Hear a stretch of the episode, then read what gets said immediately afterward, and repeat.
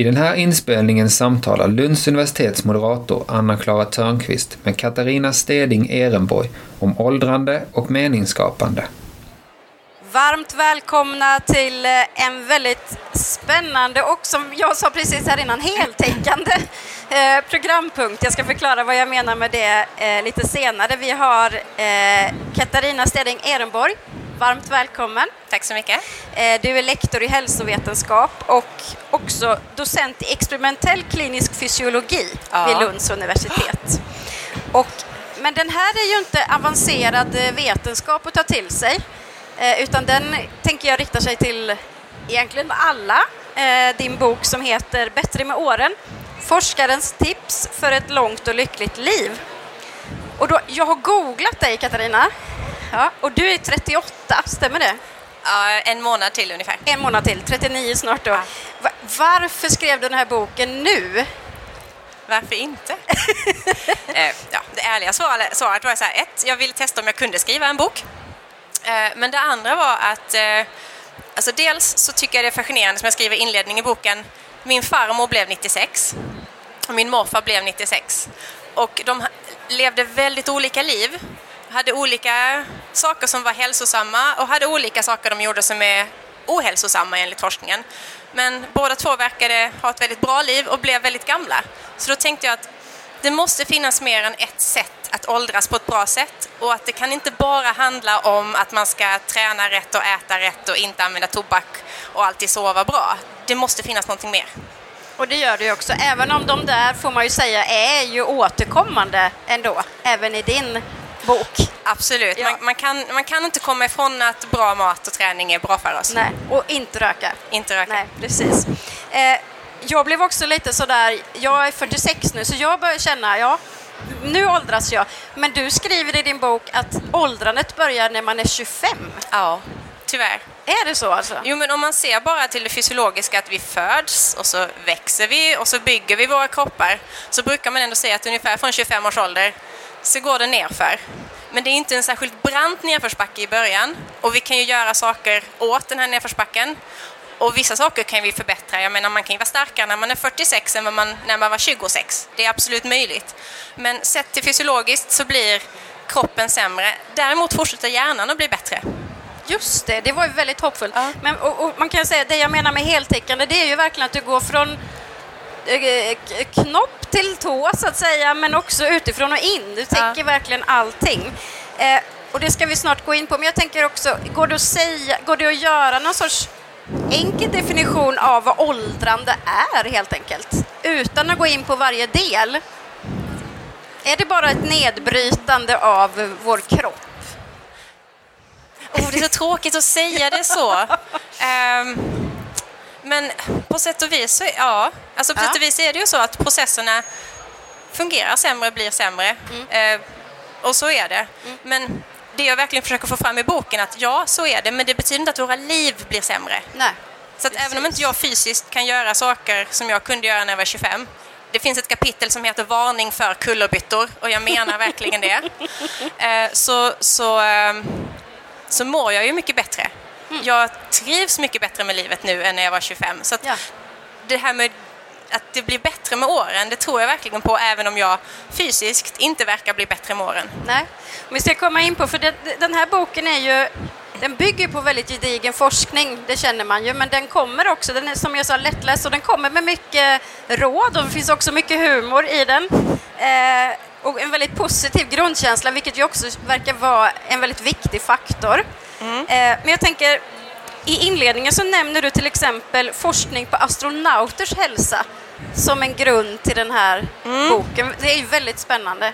Jo, men det är någonting som jag kom i kontakt med i min egen forskning. Att jag har jobbat eh, i ett forskningsprojekt med NASA för att studera hur astronauters hjärta påverkas uppe i rymden. Och de tränar ju väldigt mycket. Och, man, men, och det gör man ju för att man har sett att om man är uppe i rymden så försämras skelettmuskulaturen eh, och man får benskörhet, vilket vi också får med, med åldern och därför försöker man träna. Det vi såg var ju att den här stora mängden träning tillsammans med tyngdlösheten faktiskt verkar vara skadligt för hjärtat. Mm. Så de måste hitta en balans mellan att upprätthålla eh, skelettmuskulatur och eh, skeletthälsa men inte belasta sitt hjärta för mycket.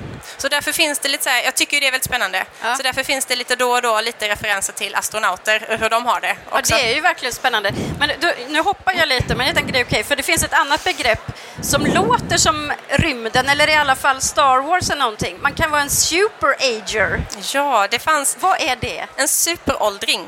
Precis. Superåldringarna är en grupp människor som man har då forskat på som är 80 år gamla, men de har hjärnor som 50-åringar. Eh, både vad gäller storlek men också minne och sådana saker. Och då har man liksom försökt förstå vad är det de gör rätt? Eh, och då verkar det vara fyra saker som man ska göra. Det ena är att man ska hålla igång fysiskt. Man ska fortsätta utmana sig själv med olika saker, alltså lära sig nya saker. Börja spela piano eller lära dig en, läs en bok du inte brukar läsa. Men just, förlåt, men ja. just spela instrument, det var väl extra bra? Ja, det, ja. det, det var om man spelar ett instrument, förutom att man då med sina muskler måste koordinera, så får man ju en, en liksom input till örat av toner som är kopplat till hur man rör sig, som på något vis verkar alltså något, förstärka hjärnans funktioner på ett väldigt fördelaktigt sätt. Så instrument är jättebra. Och sen såg man också att de hade väldigt starka sociala relationer.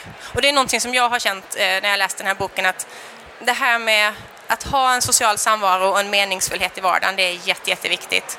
Och sen det sista var att de unnade sig saker. Eh, och eh, det de unnade sig i den här studien var att de drack lite vin. Och det verkade vara kopplat till minskad risk för Alzheimers, men det är inte kausalitet, det är inte så att det verkligen det ena ger det andra, men man såg det. Eh, jag sa i radio att man kan unna sig en massarin också, ja, det men det lät som massa vin. Men jag, jag sa massarin i radio. Men jag tror du, ja, just det, du skriver om massariner. Ja, whisky och massariner whisky har jag skrivit ja, någonstans. Precis. Eh, jag tänkte, eh, vi ska inte gå in på privata saker, men när jag borstade tänderna igår så mm. stod jag på ett ben. Oh, bra. Ja, ah. Varför gjorde jag det?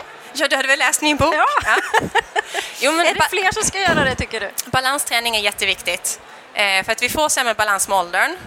Eh, dels för att, eh, alltså påverkan på kanske balansorganet, vi blir sämre på att känna under fotsulorna var vi har marken någonstans, vi får sämre syn.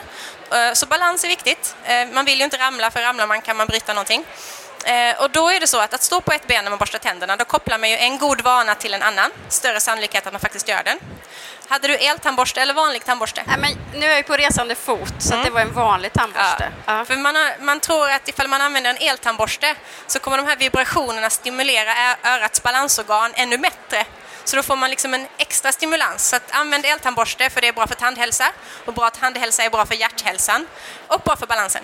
Precis, det finns ju till och med med på det här fina omslaget, en ja, eltandborste. precis därför. Absolut.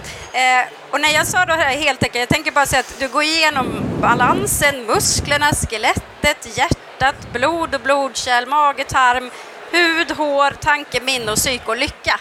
Mm. Så att, och det hinner vi inte prata om allt här. Eh, men som jag sa, det bygger på mycket befintlig forskning. Eh, men du pekar också ibland, på vissa fall, lite framåt, vad som kanske kan komma att bli forskning och kanske kan komma att bli eh, mediciner och sådär. Ja. Och du skriver att till exempel så skulle det kunna vara bra att ha mask i magen. Jag hade känslan att det var ja, det du ville ja, komma in på. kände det. Ja, nej men mag och tarmhälsa är viktigt och det forskas ju en hel del på probiotika. Ehm, så att, och det man har sett är ju att man kan se att man kan få, alltså man vill ju ha tarmfloran, att den ska må bra. Men ifall den verkligen påverkar immunförsvaret bättre, det har man inte kunnat visa i forskning än.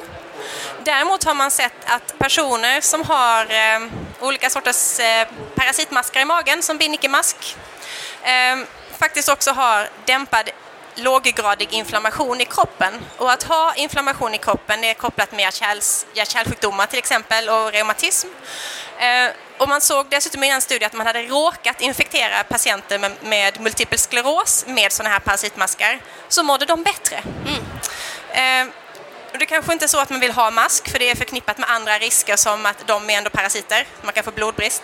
Men man håller ju på att forska på vad är det de gör, så att man kanske sen kan ha ett piller för att äta de positiva grejerna och slippa ha själva masken. Precis, det, det hoppas jag. Det hoppas jag med. Ja. Mm. Efter att ha haft barn på förskolan och sådär så känner man... Spring, springmask gör ingen nytta. Den gör ingen nytta, nej. nej.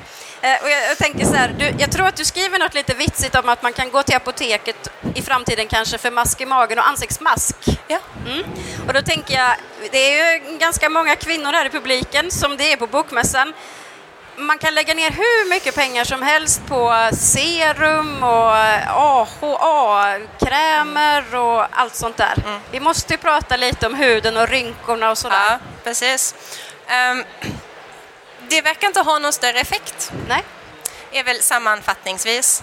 Eh, och de som är experter på hudvård, de säger dessutom att om för varje sån här extra grej man lägger på, då lägger man ju också på eh, alltså de konserveringsämnen och sånt som finns i de här eh, masker och serum och etc. Och till slut så kanske du har lagt, alltså lägger på så mycket så att du stör hudens naturliga bakterieflora. Så istället för att smeta in sig med kräm som innehåller antioxidanter så verkar forskningen med tycka att ät dem. Ät avokado, ät ananas, för då blir det, det är bra för insidan och det kommer liksom synas på utsidan. Så det är mm. återigen tillbaka till frukt och grönt. Precis. Istället för att smörja in sig med det. Och också tillbaka till hur insida och utsida hela tiden mm. hör ihop. Mm. För det är du ju också inne på. Nu har vi inte så lång tid kvar, men jag tänker att nu har vi varit lite i kroppen, mm. även om vi har varit inne i kroppen på olika sätt. Men liksom psyket, lyckan, hur man mår och så. Vad, vad finns det för viktigt du vill säga där och, och skicka med?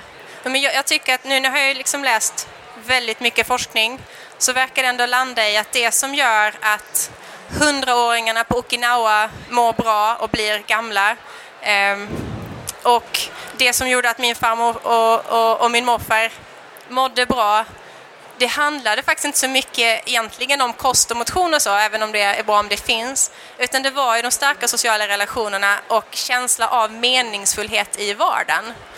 Och det här med meningsfullhet, det är ju också det som man själv tycker är meningsfullt är på riktigt meningsfullt. Så att alla behöver ju inte, även om samhället tycker att det meningsfulla borde vara att verkligen engagera sig i klimatet, mm. så kan det vara så att men jag vill engagera mig i mina sticklingar i vardagsrumsfönstret ja. och det känns meningsfullt varje dag för mig. Ja. Då är det tillräckligt. Mm. Eh, så man behöver inte ha de här jättestora... Man, sitt, uh... man måste hitta sitt eget ja. som verkligen känns genuint meningsfullt. Ja. Vad fint. Jag lyssnade på ett författarsamtal med Johannes Anjuro igår och en av hans karaktärer fann liksom en väldigt tröst och mening i, han samlade vackra fjädrar, en mm. pojke där. Mm. Det är också ett sånt projekt. Ja. Så jag tänker avslutningsvis, du går ju igenom kroppen systematiskt då, uppifrån och ner, inifrån och ut. Eh, finns det någon del som är viktigare än någon annan för ett långt och lyckligt del, liv? Eftersom man aldrig vet vad som ska hända i livet så skulle jag säga att det är bäst att sikta in sig på ett lyckligt liv. Ja. Eh, och sen hoppas att det också blir långt. Eh, och då tycker jag, alltså, man brukar säga att du blir vad du äter. Och jag tänker, alltså, och det här passar väldigt bra för bokmässan. Vad matar vi våra tankar med? Vad äter våra hjärnor? Ifall vi läser bra böcker så tar vi ju del av någon annans tankar och kan reflektera och på sätt och vis samtala med de författarna i våra tankar. Och det, det är utvecklande. Mm. Och med, det, det kommer liksom skapa tror jag, den här utvecklingen som jag tror man behöver ha över livet också för att man känner att från 25 års ålder blir allting sämre, det är en tråkig känsla. Istället, ja. jag tror att alla kan hålla med om att fast från 25 års ålder blir livet också mycket, mycket bättre. För att vi mår bättre, våra tankar är lite klokare mm. och det behöver ju aldrig ta slut. Precis. Så det, är den, det är liksom så jag tänker att vi ska se på åldrandet, att, som en utveckling. Och då inte... kommer vi tillbaka till din fina titel som faktiskt är bättre med åren och inte mm. sämre med åren. Eh, stort tack Katarina tack för det här samtalet. Och den här boken finns att köpa i monten nu för ett eh, förmånligt pris. Så gå och gör det. Tack så mycket för samtalet. Tack ska du ha. Tack så mycket.